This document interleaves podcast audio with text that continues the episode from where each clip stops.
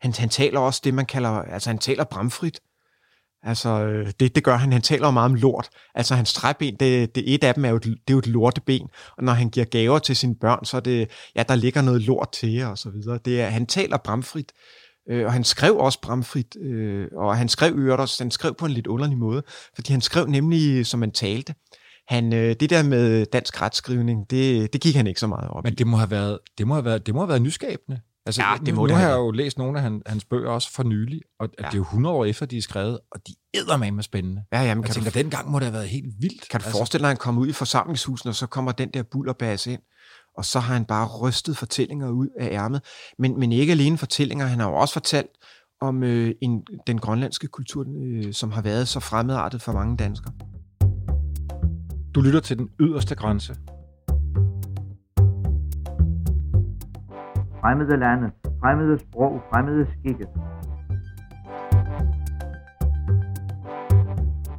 Jeg hedder Bjørn Harvi, har været formand for Eventyrenes Klub og har rejst på cykler til fods over alt i verden. I denne her serie vil jeg gå på opdagelse i nogle af de vildeste danske ekspeditioner. Der var minder fra Bali, Thailand, Indien, Bangkok, Java, Samoa, Hawaii. Fra tropefolk og hovedjæger, gule, sorte og brune folkeslag.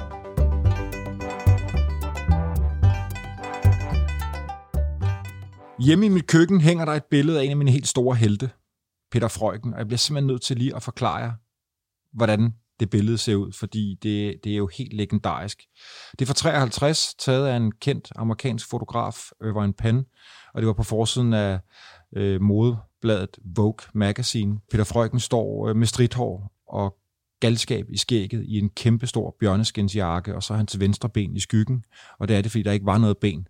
Det havde han mistet, og øh, han levede sine øh, sidste år med et, øh, et træben, som han så også kunne skifte ud til forskellige lejligheder. Øh, Peter Frøken var ikke øh, den mest kendte arktiske opdagelsesrejsende, men, men på mange måder var han den, der fik det mest vanvittige og spektakulære liv. Øh, Frøken var kun en stor knæk, da han deltog i Danmarks ekspeditionen til Grønland. Senere opbyggede han handelsstationen i Thule med sin gode ven Knud Rasmussen, og efter han havde været døden nær i en snestorm, hvor han frøs foden af, så drog han hjem til Danmark. Og inden han i 1938 stiftede Eventyrenes Klub, var han blevet kendt som både forfatter, fritænker, filmmand, berømt i de store udland, og ikke mindst som en helt legendarisk storyteller. Og tak til dig, Jesper Kurt Nielsen, museumsinspektør på Nationalmuseet, fordi jeg har måttet invitere mig selv forbi her på biblioteket øh, på Nationalmuseet. Vi skal tale om Freuchen, og jeg har simpelthen glædet mig helt utrolig meget. Øh, og jeg vil simpelthen starte med at spørge dig, hvor fanden starter vi? Vi starter med, at jeg også har glædet mig utrolig meget. okay, det, det er godt. Og øh, altså, øh, jeg kan jo starte med, øh, hvad der har skabt min interesse. Jeg er jo ikke, øh, jeg er jo ikke ekspert i det arktiske. Vi har masser af folk herinde på Nationalmuseet, som har det som specialområde. Men jeg interesserer mig jo for ekspeditioner. Og øh, jeg synes, at øh, Peter Freusen er selv inden for andre ekspeditioner øh, og, øh, opdagelsesrejser, så er, han, øh, så er han altså en klasse helt for sig selv. Altså, han bliver født i 1886. Han hedder Lorenz Peter Elf, øh, Elfred Frøken. Og øh, han, han starter faktisk helt usædvanligt med at øh, læse medicin. Og det er egentlig tankevækkende, fordi øh, når man læser medicin i Danmark på, på daværende tidspunkt, så har man altså en fremtid, og man har også en god løn og en karriere i udsigt. Og øh, det, det har været et ret øh, privilegeret studie i virkeligheden at få. Øh, så hvad er det, der gør, at han, han springer fra? Fordi man ser faktisk på mange ekspeditioner og blandt mange opdagelsesrejsende, at øh, de bliver måske opdagelsesrejsende, fordi de godt vil gøre karriere, fordi de godt vil være berømte, og fordi det er, godt, det, er det, de godt vil tjene penge på. Men øh, Eller fordi de kunne finde ud af at være hjemme, måske. Ja, lige præcis. Øh, altså, øh, for nogen så har, har sådan, øh, Danmark også været en, en snære, et snærende bånd øh, på en eller anden måde. Det, det har været et, øh, et lidt småborgerligt samfund for mange, og det, det har det jo i hvert fald været for Peter Freuchen. Så han er, øh, der er han også lidt usædvanlig, at han, øh, han kommer på, på ekspedition. Han tager med på Danmarks ekspedition. Har, han- har han droppet øh, lægestudie på det Nej, tidspunkt? det har han jo sådan set ikke. Altså, han, han øh, går jo til eksamener, og, og han har jo en idé om, at han skal vende tilbage. Mm. Og det, det har han nok i mange år, når man, når man læser om, om Peter Freuden. Så det, det, det er også nok noget, han har svært ved at opgive. Jeg gætter også på, at han har haft det svært over for sine forældre og for omgivelserne. Vi jo, sådan, det kender vi jo selv. At der er øh, samfundets normer og forældres øh, pres og så videre. Det har han jo også været udsat for. Og han er jo også øh, interessant på den måde, at han har haft et ret godt familieliv derhjemme. Han øh, har haft et relativt godt forhold til sine forældre og til sine søskende. Der er ikke noget opgør der. Øh, fordi det ser man jo også, at opdagelsesrejsen de flygter fra dårlige familieforhold og dårlig økonomi og så videre, og så videre. Det gør han jo ikke. Han, han flygter ikke fra noget som helst. Han vil, han vil opleve noget. Ja. Jesper, Danmarks ekspeditionen, hvad, hvad, hvad, hvad, hvad var det for en størrelse? Det er jo hovedsageligt øh, opmåling af, øh, af, af Grønland. Øh, hvide pletter på landkortet, som man kalder det. Som på det tidspunkt ikke var danskt. Det, det var øh, hele den nordlige del af Grønland var, øh, var, var slet ikke dansk. Mm. Så øh, det er også et led, og det, det må man sige, mange af de arktiske ekspeditioner er jo et led i på en eller anden måde at udvide imperiet, og der er også noget national stolthed i det. Vi kan spise kirsebær med de store. Se, vi tager på ekspedition. Og der er også noget geopolitik i det. Øh, og hvordan i alverden kommer en ung mand fra, han, fra, fra, hvor var det, han var fra? Lolland, eller... Ja, i hvert fald Syddanmark et eller andet ja. sted. Altså, hvordan, hvordan kommer han, Peter han var Freud her, på sådan? Han, Ja. han, den, altså, han har været et passioneret menneske. Mm. Det er man jo ikke i tvivl om, når man, når man læser om ham, at han har været passioneret i stort set alt, hvad han har gjort. Og det er også derfor, han får den fuldstændig vilde karriere, som han gør. Øh, og, og der er selvfølgelig nogen, der har set, at her er en ung mand, som, øh, som kan et eller andet. Så skal vi også huske på, på noget andet. Han var en stor mand. Han var to meter. Han har altså været en rigtig bamse. Og øh, der tænker jeg også, hvis man har været ekspeditionsleder dengang, så vil man også godt have en med, der kunne, øh, der kunne løfte noget. Ikke? Der kunne tage fat. Ja, og det, det har han jo, det, det beviste han jo så også, han kunne. Så er han med på Danmarks ekspeditionen, som jo også langt til der vejen i hvert fald går galt. Altså flere af de ledende ekspeditionsmedlemmer forsvinder. Ja. Øh, Mylos Eriksen, øh, grønlænderen Brøndlund og, og Høgh Hane forsvinder. Ja. Og, og så, så bliver han jo der, eller bliver han deroppe, Peter, eller hvad er det, der sker, fordi der... Ja. Ja, altså, jeg tror, han har fundet friheden på en eller anden måde. Øh, det er jo ikke, det er jo ikke, øh, der er jo ikke kommet så mange rudekuverter ind ad døren, som man, som man siger. Altså, han, det, der må også have været noget frihed i at være, at være deroppe. Følge har der også været nogle snærende bånd forstået på den måde, og det kender du sikkert selv til, men i Grønland er det jo naturen, der bestemmer. Øh, men der har været et, et, et stort element af frihed, og jeg tror selv, det er det, han bliver grebet af.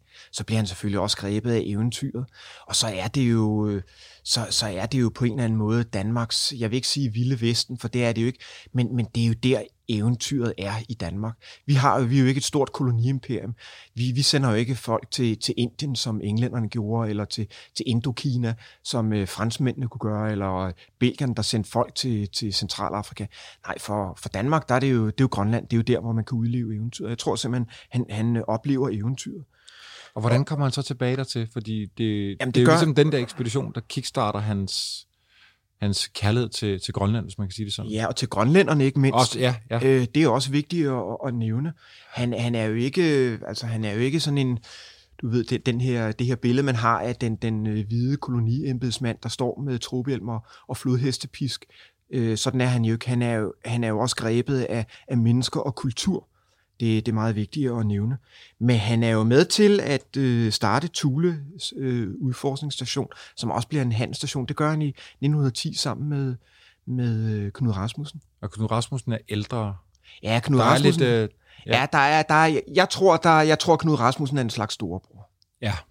Øh, og han er sådan lidt, øh, ja, måske ikke en faderfigur, men, men en, en storebrorfigur. Og det synes jeg også, man kan, man kan læse, en, når man læser øh, breve imellem den, og, og, og læser biografier, så, så øh, er Knud Rasmussen ret god til at give råd, synes jeg. Øh, så han har nok også været et forbillede, forbillede og, og det var Knud Rasmussen jo for mange. Mm. Han er jo en af de ekspeditionsfolk og en af de opdagelsesrejsen, som vi stadigvæk husker.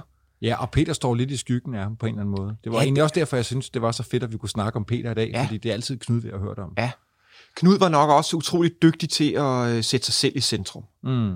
Der var han også en, øh, der var han en, en, en, en aktør, der, der hele tiden var i centrum. Han var, når han, øh, ekspeditionen var en scene, og, og det var ham, der var første elsker.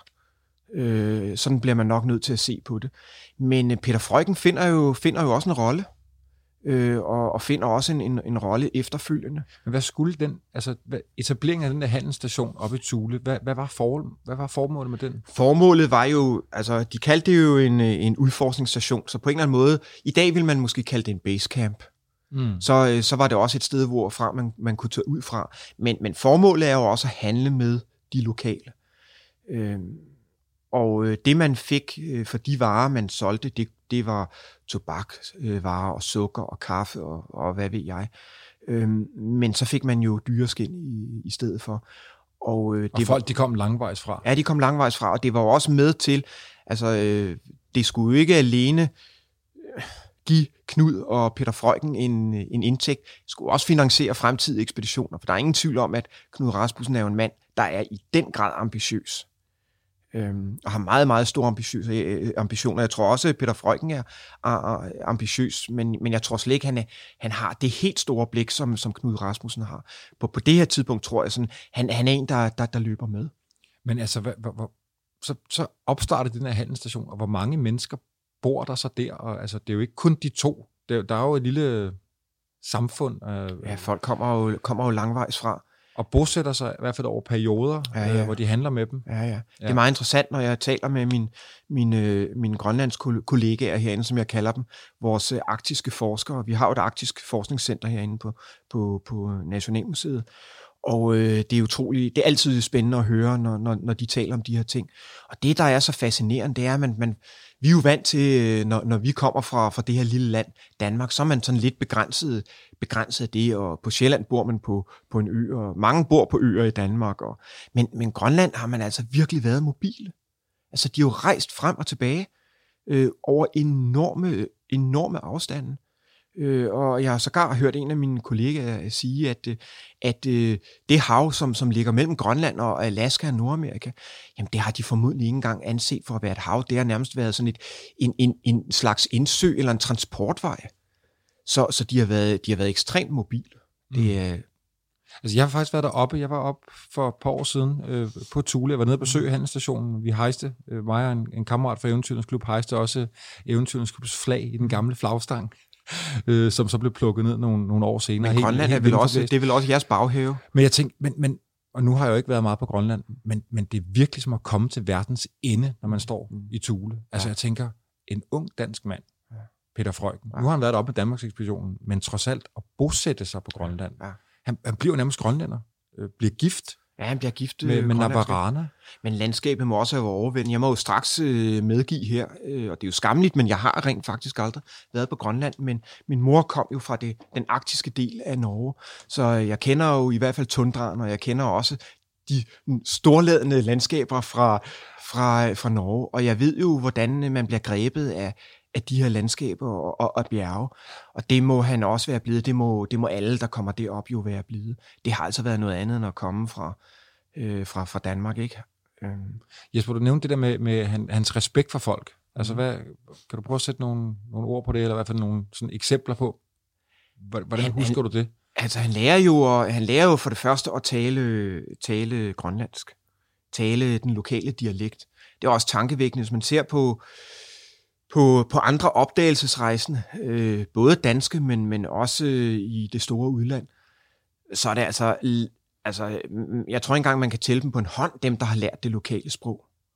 Så alene der har han jo en, også en fordel, og det har Knud Rasmussen jo også, når de tager på ekspedition. De taler simpelthen det lokale sprog, og det viser sig jo også, at øh, da de for eksempel senere tager på den såkaldte 5. Thule-ekspedition, da de tager over til, til Nordamerika, Jamen, øh, så øh, der er nogle fællestræk. Det er godt nok en helt, et, et, et helt, en helt anden dialekt, de taler, men, men der er der ord, øh, de kan forstå. Så det har gjort det meget nemmere for dem. Øh, det har gjort det nemmere for dem at forstå den lokale kultur. Og så må jeg også sige, det at Peter Frøken, han, han gifter sig med, med en lokal grønlandsk kvinde, det har jo integreret ham i det lokale samfund. Og han har jo altså næsten fået øh, både myterne og legenderne, og, men også traditionerne og, og den måde, man altså sæd og skik, som man kalder det. Hvordan skulle man opføre sig? Det har han jo, det har han jo fået fra gennem sin kone. Ikke? Det, har, Ja. det har været en kæmpe fordel for Ja, for nu startede jeg med, da jeg introducerede Peter Freuchen og siger, at han var en, en legendarisk storyteller. Og Jeg, jeg kan huske, jeg, jeg har også læst hans øh, to selvbiografier, Min grønlandske ungdom, som var hans første bog om hans ophold på Grønland.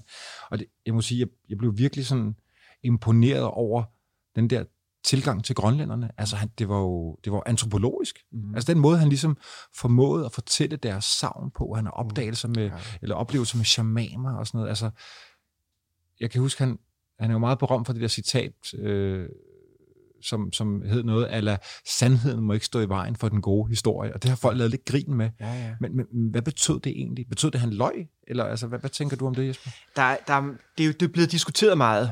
Og ja. øh, der er jo ingen tvivl om, at Knud Rasmussen blev, hans ekspeditioner blev opfattet som videnskabelige. Der blev foretaget geografiske opmålinger, temperaturmålinger, og man samlede i masser af genstande ind, det man kalder etnografika her på museet. Store samlinger. Så det var jo videnskab, og det var Peter Frøken jo med til. Men, men han er også blevet anklaget for at være u- uvidenskabelig. Han, han, øh, hans tilgang var, var anderledes. Og som du selv siger, han var, han var også grebet af den gode historie, og historien øh, vokser også med, med tiden. Ingen tvivl om det. Det var også det, der gjorde, at han fik en, en karriere efterfølgende, men han var meget kritiseret for, at, øh, at historierne nogle gange tog, tog overhånd. Øh, et af eksemplerne er jo, da han på, på femte tule jo øh, får forfrysninger i den ene fod. Ja, det er jo en... Det, det er sådan en, en kernefortælling. Det, det, det, er blevet, det er blevet, ja, det er blevet en stor fortælling. Det er det, og det er, det er det så også, fordi den fortæller egentlig meget om Peter Freuchen, fordi man skal heller ikke tage fejl af på de ekspeditioner. Det var, øh, det var ikke en, en udflugt med, med shorts i, øh, i sommersol. Det var hårdt, og det var med livet som indsats. Og, og de troede mere end en gang, at de skulle gå under. Så det også krævet en helt særlig type mennesker. Der er, no, der er nogen, der er sådan lidt humoristisk har sagt, at det var en tid, hvor øh, skibe var træ, og mænd var jern. Og det, det er der altså en kerne af sandhed i. Øh, og han bliver jo altså under femte tul, der bliver han altså f- fanget i en snestormer, og faktisk fanget under sin, sin slæde, hvor han ligger i ly, øh, øh, undskyld, i, er i, i, i læ, og, og kan ikke komme ud. Og, og historien er jo, at han, øh, han simpelthen øh, former sin egen lort, til, til sådan, så han kan grave sig ud. Øh, og det interessante er jo, at øh, da han kommer tilbage og har reddet sit eget liv, så er det ikke den historie, han fortæller Knud Rasmussen for eksempel.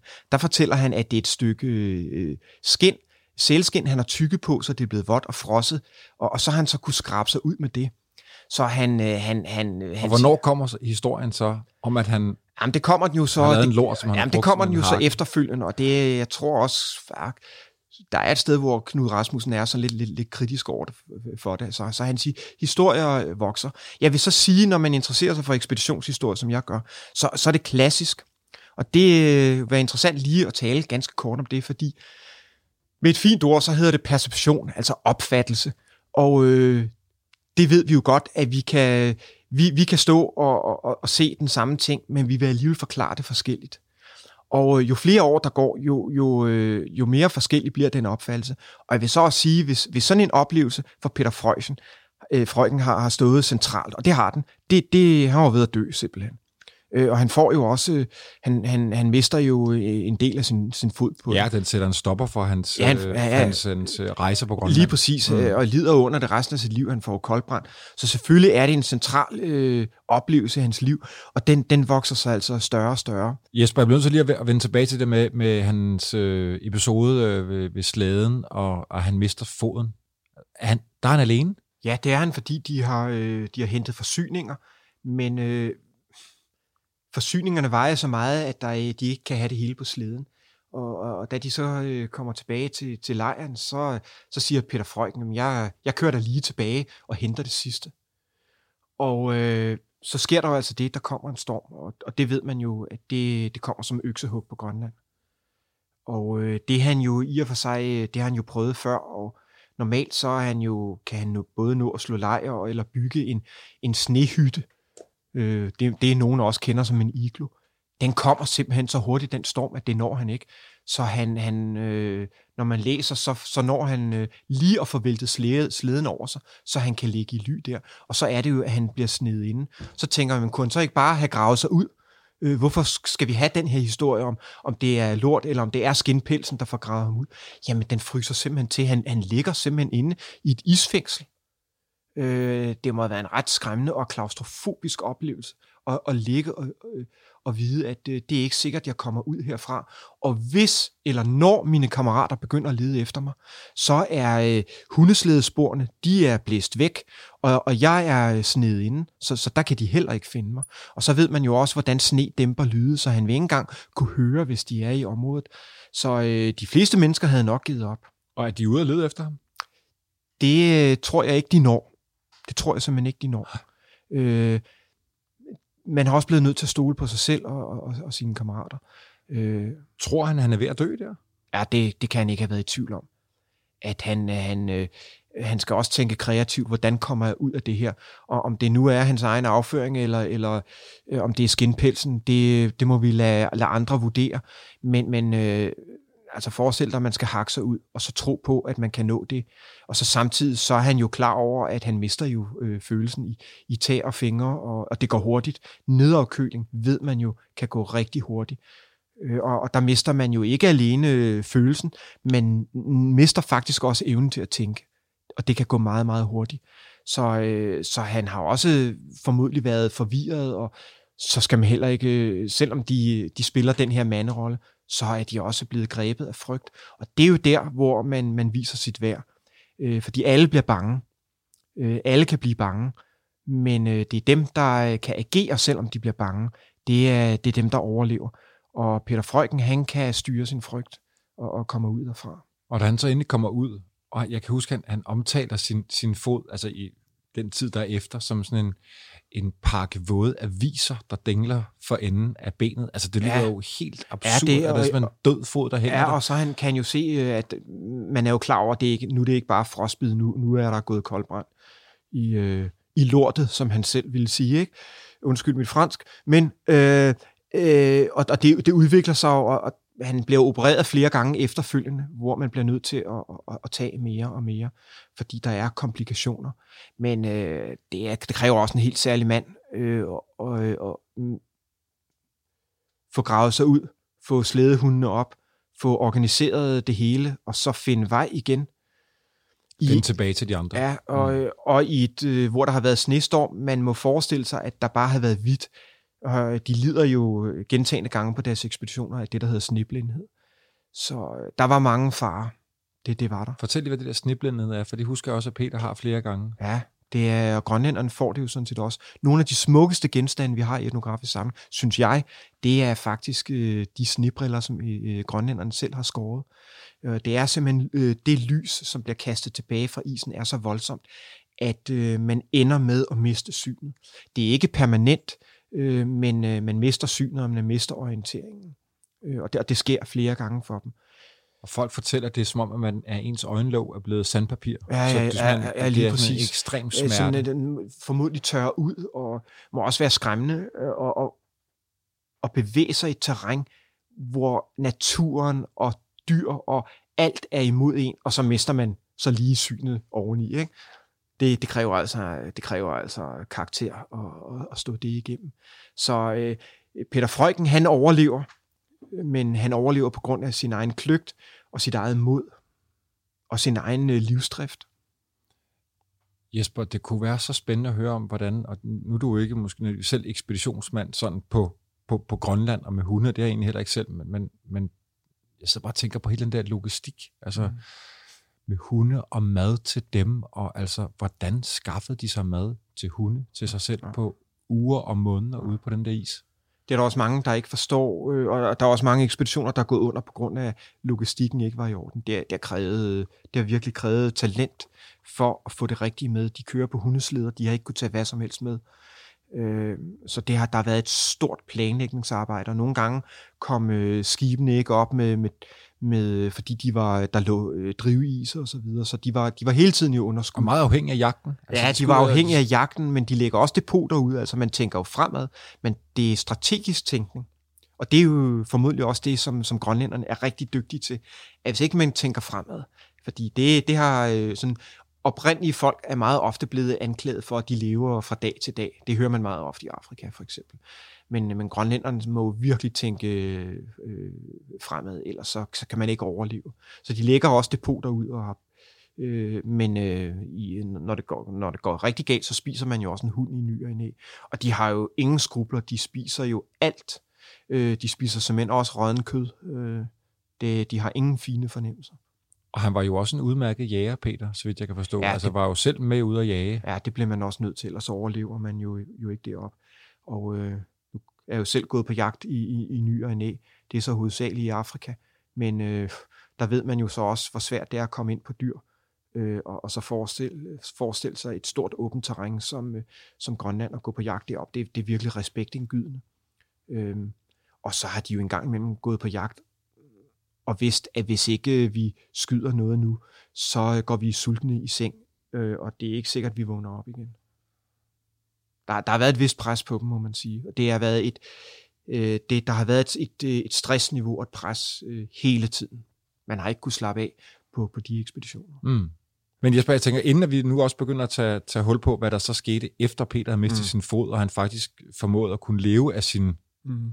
øh, fantastiske fortæller Ja. øh, øh, kundskab, så, så, så, så lad os lige vende tilbage til, til Grønland, fordi han, han boede jo oppe i Thule i, i rigtig mange år, Mm. blev gift med Navarana, Ja. fik også øh, To børn. to børn. Ja. Hvordan blev han opfattet af grønlænderne? Det, det, man, det, man meget ofte mangler, når det gælder ekspeditioner, det er, det er de lokales opfattelse af, øh, af ekspeditionsfolkene. Men, men når, når jeg læser det forhold, man havde til, altså danskerne havde til grønlænderne, så, øh, så var det anderledes nært. Man var også meget mere, altså man var virkelig afhængig af dem. Øhm, så jeg tror, de har haft en øh, positiv, generelt positiv opfattelse af ham. Forestil dig også, det var jo, det var jo øh, Knuds øh, store succes, kan man sige, på hans ekspeditioner, Peter Frøken, at de tog de lokale med. De kendte klimaet, de kendte geografien, de kendte teknologien. Det var slædehunde, det var isbjørneskinsbukser osv. Man, man lavede ikke forsøg med ny teknologi, som englænderne jo for eksempel nogle gange gjorde. Med, og det var jo katastrofalt for eksempel. på- heste med på deres ekspedition. Ja, ja, på, da de skal, altså, øh, Am- Amundsen Scott mod øh, Sydpolen, der er øh, Amundsen har jo slædehunde, øh, og, og, og, og, og, øh, pelsdragter, men englænderne, de har oilskinsdragter, de har traktorer og heste, og øh, ekspeditionen kollapser jo på, i, i, lø, i løbet af 10 dage. Øh, og der er Knud Rasmussen, han forlader sig fuldstændig på, på de lokale. Det må også have været, det må have givet, givet dem en respekt, og en opfattelse af, at man respekterede dem. Øh, man respekterede, hvad de kunne. Men de måtte også være dygtige, hvis de kunne øh, skal man sige, adoptere den måde, som grønlænderne egentlig havde rejst på. Og har, at mange af de her er jo blevet opvokset med det som børn og så videre. Jeg tænker, ja. Peter kommer fra, fra lille Danmark og, Ja. og bliver jo nærmest grønlænder. Altså, Ja, men han har, været, han har, han har haft et åbent sind. mm. Det må man erkende. Det, det har han virkelig haft. Han er ikke kommet som, øh, han er ikke kommet som en, øh, en, en, øh, en stor snud kolonibestyrer. Men det er dog fair at sige, at han, han, hans tjeneste på, på Thule-stationen ophører jo. Og, og det- og det gør den jo, man har sådan en indtryk af, på et tidspunkt, der vil Knud nu godt kan ham tilbage til Danmark. Der er sådan en, øh, Knud Rasmussen nævner øh, sådan også i brevveksling, at psykisk er det måske ved at påvirke Peter Frøken, at han har været deroppe så mange år. Knud Rasmussen nævner også på et tidspunkt, at han, han råber lidt for meget af grønlænderne, og begynder at blive måske lidt, lidt ustabil. Øh, Så, øh, så Knud Rasmussen vil godt have ham erstattet, i hvert fald i en, i en periode, og det bliver jo så permanent. Ikke? Og hvordan har det så med at komme hjem til Danmark? Efter hvor mange år har han været i Grønland på det tidspunkt? det er jo, det er jo ret mange. Øh, Jeg kan, jeg kan ikke huske det nøjagtige antal, Nej. men, men det, det er rigtig mange. Han er jo glad for at komme hjem og besøge familien, øh, men øh, man er ikke i tvivl om, at der er en trang til at komme tilbage. Det må også have været svært at, at så tage sin, sin grønlandske hustru med til, til Danmark. Hun bliver jo behandlet rigtig pænt af familien, og, og de øh, omtaler hende som en, en, meget, en, en meget beskeden kvinde. En meget stille og beskeden kvinde. Der er heller ingen tvivl om, at hun vil gerne tilbage til Grønland. Det, det det, hun kender og sin familie. Og øh, Hun bliver syg med Ja. den spanske syge. ja, det gør hun. Ja. Det gør Peter formentlig også. Ja, formentlig ja. også, ja, Ja. og overlever. Ikke? Øh, og det er jo interessant at tale om i de tider, vi lever i i dag, fordi det var jo, var det 50 millioner, mener man, som, som døde af den spanske syge. Ja. Så, Og Navarana dør mm, mm. af den spanske syge. Ja, Jeg tror det- faktisk, hun når tilbage til Grønland og dør deroppe. ja, det gør Ja. hun. Det, det gør hun faktisk. Stort tab, der er ingen tvivl om, at det var et, øh, det var et øh, tab. Det var ikke en øh, bekvemlighedshustru, øh, han havde der. Det var, det var, øh, det var en kvinde, han, han elskede højt. Ikke? Mm. Det, det var det helt bestemt. Og der er, jo, der er jo det her berømte billede, som vi også har herinde i fotoarkivet, som alle kender, øh, hvor han, han sidder øh, øh, øh, på Thule station, og så sidder han med Navarana på, på skødet, og han sidder jo med, han ligner jo en vildmand, ikke? Stort fuldskæg, stort hår, isbjørneskinsbukser, han var to meter høj. Som vi alle drømmer om at se ud. Ja, jamen lige ja. præcis, ikke? Og nu er vi jo begge to nyklippet, så det, det vil vi ikke rigtig leve op til. Men, men der, så sidder han jo så med den her, den her, lille, den her lille dame, hun var 1,50 meter, og hun sidder så i, i sine, sine øh, selskinsbukser, og er, er øvrigt en meget, meget smuk kvinde. Og øh, de ser begge to så glade og så lykkelige ud, og han, øh, han kigger jo lige ind i kameraet, og, og så peger han mod fotografen. Ikke? Mm. Det var sådan et, man har indtryk af, at de sidder i sådan et intimt øjeblik, og de har hygget sig, ikke? Øh, de har, de har sgu haft det godt det, man, man bliver glad af at se det billede. Ikke? Ja, men jeg er fuldstændig enig. Jesper, hvad sker der, da han kommer tilbage til Danmark? Han, han øh, bosætter sig jo nede på, øh, på Ene Høje. Ja, det gør han. Han ja. køber Ene Høje, øh, Nakskov Fjord. Ja. Um, køber han i, i 1926 ja. øh, øh, landejendom. Som hvad, han, hvad, hvad vil han der? Altså, hvad, hvad skal vil, der nu ske med hans liv? Han, han, han har vil, mistet sin fod. Og... Han vil drive landbrug. Altså, han er, han er, han er stadigvæk... Øh, hvad skal man sige, han, han er splittet.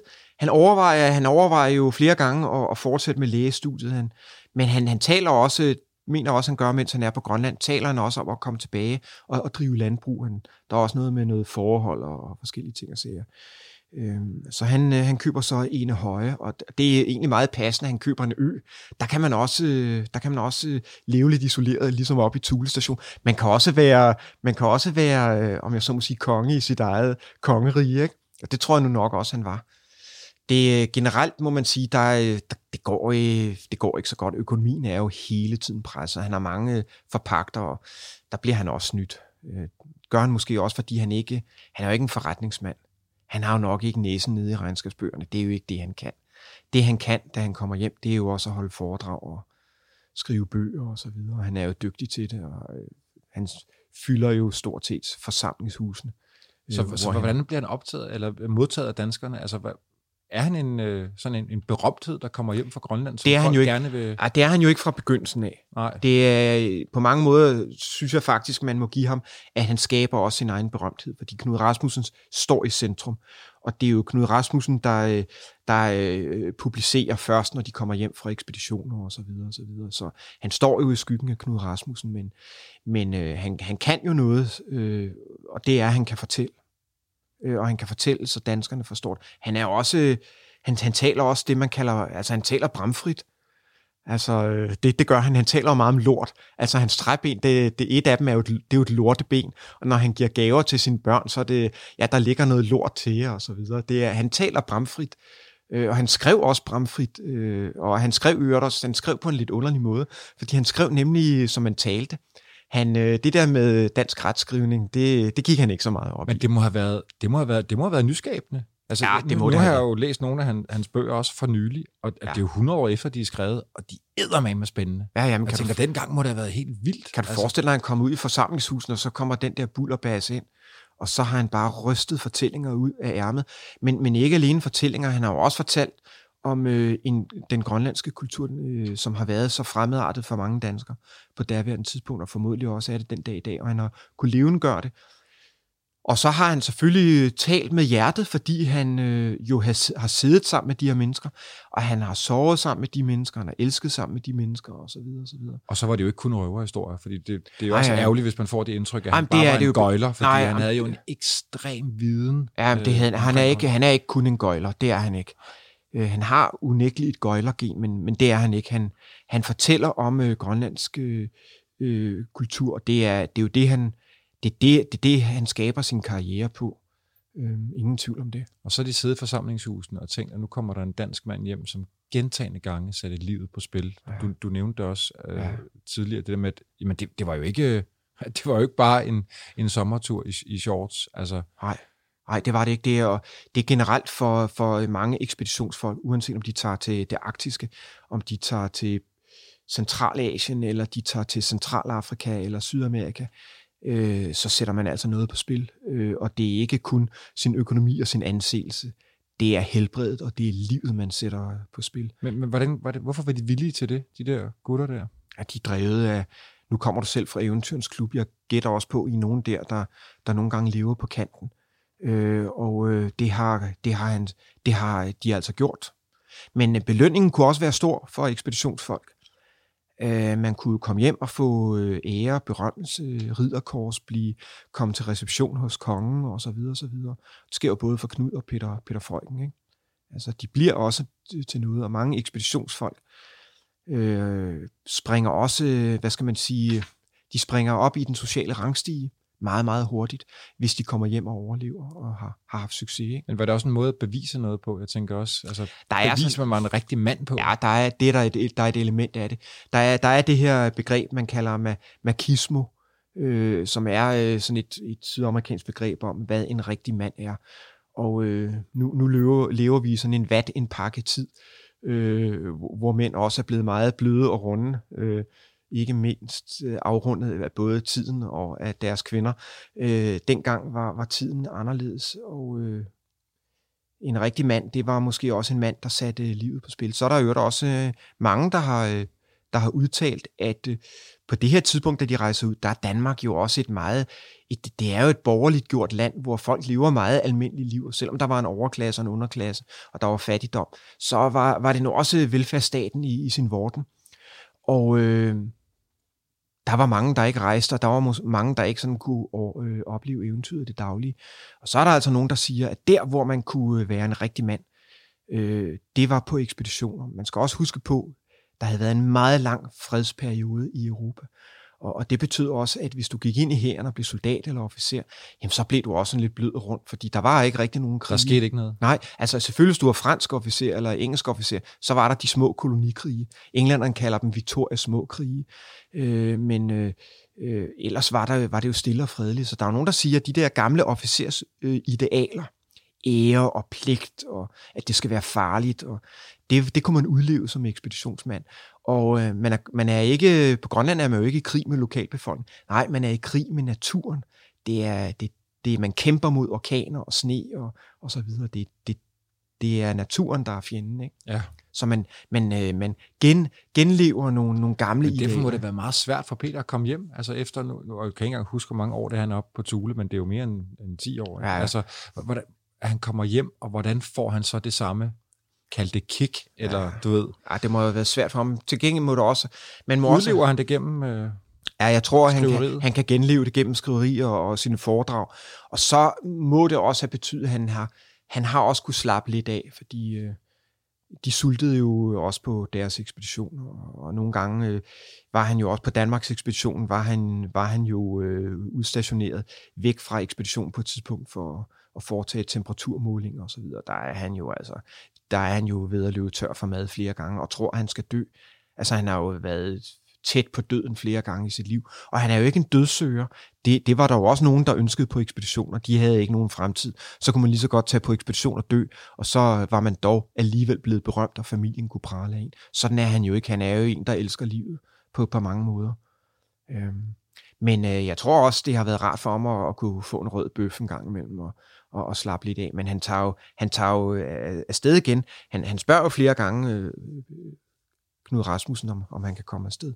Og det er jo så først på, på altså han er med på første Thule-ekspedition i 1912, og så er han jo først afsted i, på femte Thule-ekspedition i, i 1921 til, til 24. Mm. Så, så der går også noget, noget tid, før han kommer Ja, der har han været hjemme, og så hvad kan man sige, overtaler Knud ham til at komme med. Ja. Knud vil rigtig gerne have ham med. Ja. Prøv at snakke om det der forhold, de to havde, Jesper. Du nævnte tidligere, at, at Knud måske øh, var lidt en storebror. Jeg, jeg husker Peter Freugen, når jeg læste ham, som værende altså, utrolig imponeret af Knud. Altså den måde, han, ja. han fortæller om deres øh, venskab ja. på, er, er, er virkelig, virkelig stærkt. Ja, det, det er der ingen tvivl Jeg gætter også på, når man, når man øh, oplever fare sammen på det niveau, de gjorde, så bliver man også rystet sammen. Øh, ekspeditioner kan meget ofte gå under. Ikke på grund af natur, sygdomme og sult, men også på grund af dårlig lederskab. Scott-ekspeditionen til syd, øh, øh, til, til, øh, hvad hedder det, til, til Arktis, Antarktis er jo et godt eksempel til Sydpolen. Øh, dårlig lederskab, øh, de dør. Knud Rasmussen var også en dygtig leder, ikke? Han var også en hård leder. Han øh, kan godt sætte Peter Frøken på plads. Øh, øh, ingen tvivl om det. Men øh, de, man får et fællesskab. Kender du sikkert øh, med folk, du har rejst med øh, i Eventyrens Klub, og det kender man jo også fra, fra folk, man har, man har oplevet ting sammen. Øh, soldater oplever det jo meget ofte, øh, når de har oplevet fare. Men så, så bliver man øh, rystet sammen. Man oplever ting, som er svært at forklare andre. Mm. Det er, og øh, uanset hvor dygtig Peter Freuchen er til at formidle og til at fortælle historie og skrive, så kan vi jo ikke sætte os ind i, hvordan det er at, at, at vide, at hvis ikke vi får mad, så er vi døde om tre dage. Det, det kan man næsten, det kan man ikke sætte sig ind i. Hvordan påvirker Knuds død Peter? Altså efter Jamen, femte tule kommer Knud hjem, og så, så dør han jo ikke mange år senere. Ja, det, det gør han. Det er jo en, det, det må, altså det, det må have på en eller anden måde reddet hans hjerte ud på en eller anden måde, fordi selvom de også, når man læser deres breve, og, så, så kan de også godt være, øh, de får et mere voksen forhold, lad mig sige det sådan, og et mere ligeværdigt forhold. På den måde bliver Peter Freuchen også øh, voksen. Mm. Øh, Så de kan også skrive til hinanden og være kritiske over for hinanden. Og, men, øh, men det må have været det må have været et stort savn for Peter Freuchen, fordi Knud spillede en så stor rolle i hans liv, selv når de ikke var afsted på ekspedition, så, øh, så Ja, ja, havde for- de den her fælles Fordi, interesse. fordi Knud dør jo før Eventyrens Klub bliver stiftet. ja, Peter bliver, så vidt jeg husker, jo medlem af The Explorers Club i New York. øh, jeg mener faktisk, øh, altså, ja, han bliver medlem af Adventures Club. Øh, og der er jo to klubber i USA. Der er Explorers Club og Adventures Club. Øh, og Adventures Club, som stadigvæk eksisterer, det gør Explorers Club op. Også, øh, og Adventures Club, de, de nævner faktisk øh, Peter Freuchen. Øh, jeg har været inde på Explorers Club, de, de nævner ikke øh, Peter Freuchen, men, men du mener, han har været Jeg medlem? mener, det er, jeg mener, det er i The Explorers Club, at Peter også holder talen om Knuds død. Ja, Ja, ja, ja. Og det er Explorers Club, hvor han møder Thor Heyerdahl. Ja. Thor Heyerdahl er ung og skal ud på Ja. Kontiki-ekspeditionen, Ja. og Peter faktisk også hjælper ham økonomisk. ja, ja, Så på den måde tænker jeg, at han må have haft, altså, han må have haft en status, siden han ja, ja. altså, Thor Heyerdahl på Ja, ja, ja. Kontiki-ekspeditionen med den der tømmerflåde pram, de øh, ja, sejler hen ja, ja, over ja. Stillehavet på osv. Altså det, Han har haft, han har haft et, øh, et netværk. Og, og det må også være, fordi han efterhånden begynder at sælge rigtig mange bøger, også i Ja. udlandet. Og så er der den der helt legendariske øh, historie, hvor han er med i det der quizshow der. Det havde jeg ønsket, du skulle fortælle om, Ja, hvis du men altså- det, Jesper. Altså, jeg kan, jeg kan jo i hvert fald sige, at øh, når man ser hans publikationsliste, Mm. det er imponerende, hvad han skriver. Og det er jo ikke kun fortællinger om sine øh, ekspeditioner, det er jo også en fortælling om grønlandske savn og myter og grønlandsk kultur, men det er også romaner. Altså, han, han giver den gas, for at sige det som det er. Øh, det er imponerende, hvad han får, får skrevet. Øh, og han, Der bliver lavet en Hollywood-film. Ja, det gør der. Han skriver jo bogen Eski- Eskimo, som er en roman, men som egentlig er baseret på, på øh, forskellige øh, ting, han har oplevet blandt øh, grønlænder i, øh, i, øh, øh, i, øh, øh, på, på sine ekspeditioner, og øh, det skriver han en bog om, og øh, den bliver oversat til flere sprog. Det gør flere af hans bøger. Altså, der er han, nogle af hans bøger kommer jo i, i Tyskland, er der bøger, der kommer i oplag på, på 100.000. Det er altså det er rigtig mange. Øh, vi skriver begge to bøger, og så store oplag kommer mine bøger, altså desværre ikke i, skulle hilse Heller ikke mine, Jesper, desværre. Så, øh, men Eskimo bliver jo, bliver jo taget øh, som, øh, som øh, bliver optaget af, som, øh, eller købt som, øh, og bliver omformet til et manuskript til en Hollywood-film, øh, som han så øh, selv spiller med i øvrigt. Nå, det var jeg ikke klar over. Øh, jo, jo, han spiller, han spiller øh, øh, skurk i filmen. Voldtægtsforbryder, kolonibestyrer, der begår overgreb. Øh, Okay. øh, 1932 bliver den, øh, tror den, der, der filmer de den, og så øh, mener at den bliver frigivet i 33. Øh, gør ham jo berømt i, øh, i USA. Og så er han jo så med i, øh, i det her øh, quizshow, hvor han... Øh, hvor, han- hvor jeg mener temaet er de øh, syv have. Amerikansk quizshow. Ja, det amerikanske quizshow, Ja. hvor han så øh, vinder 64.000 US dollars. Well, our next guest on the golden threshold of the $64,000 question is from Thule, Greenland, Peter Freuchen.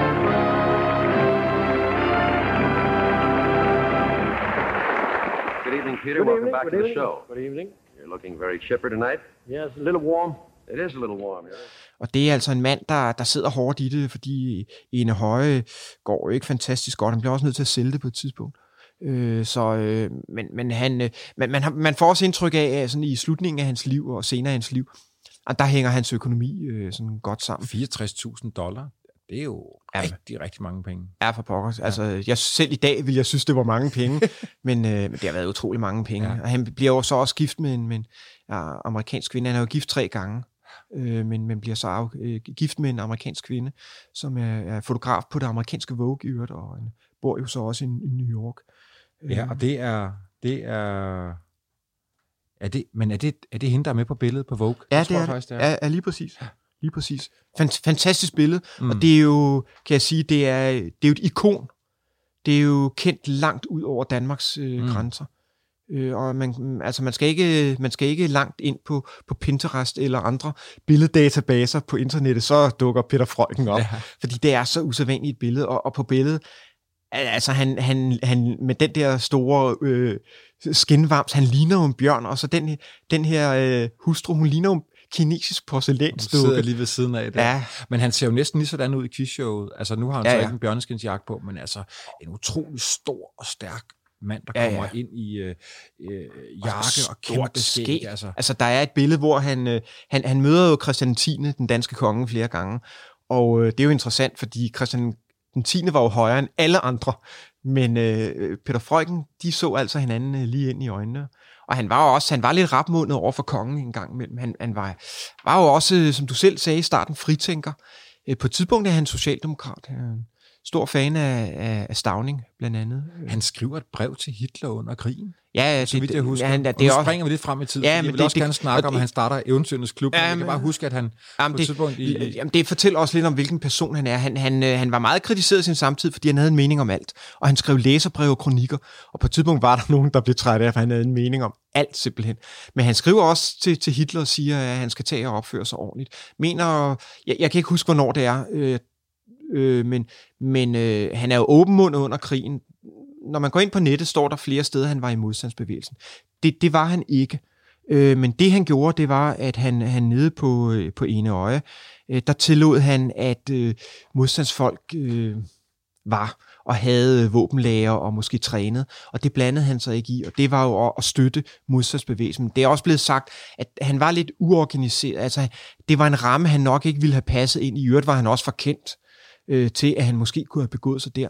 Men, men det var jo trods alt med livet som indsats, at man havde modstandsfolk rendende på, på, på, på sin gård. Og så skriver han et brev til Hitler. Ja, Hvad, og- hvad ville han med det? Jamen, han vil simpelthen have, at tyskerne opfører sig ordentligt. Og øh, på et tidspunkt flygter han jo så også til Sverige øh, under krigen. Og det er sådan set ikke På grund af det brev? er øh, på grund af flere ting. Øh, og, og øh, der er nogen, der har, har sagt, det var på grund af hans medlemskab af modstandsbevægelsen. Det er på grund af hans åbenmundethed. Øh, øh, digterpræsten Kai Munk bliver jo myrdet. Og det gør han jo øh, sådan en slags clearingsmor. Terror, tysk terror. Øh, de begynder simpelthen at, at myrde kendte danskere, der egentlig ikke har gjort andet end at, at være kritisk over for tyskerne. Og øh, der bliver, der bliver øh, Peter Frøken advaret om, at øh, nu har man øje på ham, fordi han er så åbenmundet og så kritisk i læserbreve, og når han holder foredrag, at øh, han kan blive den næste. Og øh, Kai Munk var jo også blevet advaret, men øh, han ville ikke flygte, men han betalte også prisen, og der Peter Freuchen, han tager altså det, det valg at, at tage til Sverige for at redde formodentlig livet, må, må vi tro. Ikke? Ja, for jeg, jeg kan huske, at nu, Eventyrens Klub blev jo startet december 38, ja. Og, og jeg kan huske, at Peter Freuchen blev citeret for, at han, han næsten, altså han forudså krigen, og han Ja. forudså også konsekvenserne af, hvad krigen kunne gøre ja. ja. ved de historier, som, som, som han og hans ja, ja, ja. netværk og ligesindede Ja, ja, ja. Derfor stiftede han ligesom, ja. du ved, en pendant til The Explorers Club, for Ja, han ville ja. have de her, de her historier, den her viden må ikke gå tabt. Nej, nej, nej. Det er faktisk ret smukt. Altså, det, men sige, der, er- der der- kommer lige om lidt noget, der ødelægger det her. Vi må, vi må, vi må holde fast på det. Altså, ja, hvis, du, hvis du spørger mig, og det gør du, så øh, tror jeg faktisk, han var pacifist. Han, øh, som ung melder han sig ind i Akademisk Skyttekorps, som jo er øh, sådan et, et, et, et slags frikorps. Øh, og øh, der melder han sig relativt hurtigt ud, fordi han synes, de er for højorienterede, og han synes, de, øh, der, der er lidt for meget, øh, du ved, kæftrit og retning. Sådan, sådan er forsvaret jo. Det var ikke noget for ham. Og øh, han melder sig faktisk også senere ind i øh, det radikale venstre. Og, og det er jo et pacifistisk parti i sit udgangspunkt. Så, øh, så du har ret, han er fritænker, men dog alligevel så meget, at han også, du ved, forbinder sig med Socialdemokratiet og, og de radikale. Men altså, han rejser jo i, i, i Alaska som, øh, som er øh, amerikansk, men samtidig så rejser han jo også i Sovjetunionen. Ja, han I, tager Sta- Sovjet. I, ja, i Stalin-tiden. Det er fordi, han er, de sælger jo også hans bøger, men, men man må ikke udføre rubler i Stalin-tiden, og øh, så skal han jo bruge penge, og det kan han jo kun gøre i, øh, i, øh, i Rusland, så han rejser, så han rejser sig rundt i, i Rusland i, i temmelig lang tid. Og han, han øh, bliver tit inviteret ind på den russiske ambassade. Der er han blandt andet øh, 39, øh, til fejringen af 39-året af oktoberrevolutionen. Der er han inviteret til, til frokost på øh, den russiske ambassade i København. Det giver lidt problemer, fordi samtidig der har russerne jo invaderet Ungarn, så der er store demonstrationer ude foran. Og så der bliver han altså lempet ud af en bagdør, fordi der er... Ja, der skal han ikke ses. Nej, der skal han ikke ses, vel? det, det skal han ikke. Der tror jeg også, han har været lidt naiv. Altså, jeg tror, øh, han har, altså på mange måder har han nok også, altså øh, som pacifist, og han har, han har troet på, på det gode i mennesket på en eller anden måde. Ikke? Mm. Og det er vel også derfor, han, han er så åbenmundet under krigen. Det er også lidt naivt, ikke? Altså, der var nazistiske terrorpatruljer i, i Danmark, Petergruppen og Chalbotage og så videre, så Ja. videre. Og så synes han alligevel, han skal have lov til at sige, hvad han vil. Han var nødt til at klippe skægget, da han flygtede til Ja, Sverige. ja, ja, lige præcis. Ja. Men det er modigt af ham. Øh, man må tage hatten af for, for dem, der turer at være åbenmundet. Han har jo også tyske flygtninge øh, øh, før krigen på sin, på sin ejendom. Øh, det var der ikke så, så mange andre, der havde. Øh, så han er idealist. Mm. Ingen tvivl om det. Det Hvis det, man fortæller om, hvad der, hvad der ligesom sker til sidst i Peters liv. Han, han øh, jeg kan ikke huske, hvor, hvor dør han. Han dør jo ikke hjemme i Danmark. Øh, nej, han dør faktisk på en amerikansk militærbase, Ellendorf Air Base i Alaska, og det er fordi, han får tilbud om at flyve til Nordpolen. Øh, og, Okay. og der er han jo oppe i sådan en relativt høj alder. Og øh, det er jo noget, han ser, ser frem til, fordi der har han aldrig været, og det har han jo haft lyst til, selvfølgelig på grund af den her arktiske interesse. Og han har, også ret tidligt forudset, at fremtidige ekspeditioner kommer til at foregå med fly, øh, for han kan godt se, at øh, teknologien øh, udvikler sig også, og så er der lige pludselig, du ved, øh, motorsleder, og folk flyver, og det ene med det andet. Så, så det er han faktisk øh, ret, øh, det, det ser han frem til. Øh, så han er på den her base, og er sådan set i fuld vi gør. Øh, der er nogen, der hører et bump ovenpå, øh, og der, der ved de faktisk med det samme, for de kan høre, at det er et, det er et, et stort bump. Øh, og der, der ved man faktisk, inden man løber derop, hvad der er sket. Og der, er, Så der får han hjertestop? Eller en der får han hjertestop, ja. Okay. Der ligger Peter Freuchen død. Når han at flyve? Nej, det gør han ikke. Han nåede ikke til Nordpolen. Så det kunne man godt have ondt ham, ikke? Jo. Det, men jeg vil sige, at han når så meget andet i sit liv. Han når øh, at være med på nogle af de største ekspeditioner. Danmarks ekspedition, 5. Tule. Øh, han, øh, han bliver gift med en, en grønlandsk kvinde, sit livs kærlighed. Øh, så han oplever også kærligheden. Den oplever han så tre gange. Ikke? Øh, og han, øh, hans liv er i fare, og han bliver berømt forfatter og foredragsholder, og han øh, levede livet fuldt ud. Jeg vil sige, at han har været et, øh, et værdigt øh, medlem af Eventyrets Klub. Jeg er sikker på, at han er en stor person, og jeg kan fortælle, at hver gang jeg kører forbi kastellet på Køben, øh, i København, og det gør jeg hver dag, fordi øh, jeg bor i nærheden, så, øh, så løfter jeg meget ofte hatten, når jeg går forbi øh, den, øh, øh, den øh, lille stenbunke, som Eventyrens Klub har stillet op Ja, derude. fordi Eventyrens Klub har jo sat en lille... Og øh, nogen, nogen tror, det er en varte, en grønlandsk Mm. mm. varte, men det er det ikke. Det er faktisk sådan en lille stensætning, som, øh, så vidt jeg kan forstå, Grønland er sat op til renjagt. Så sætter de en lille stensætning, der ligner et menneske. Mm. Og den står ude bag ved kastellet, og der står også en øh, sibirisk E, som simpelthen er plantet til ja. ære for Peter Freuchen. Så Ja. der synes jeg, man skal, der skal man lige tage ud og løfte på hatten, det hvis skal man kommer man. forbi. Ja, det, det fortjener han. Jesper, tusind tak for en dejlig snak om Peter Freuchen. Selv tak.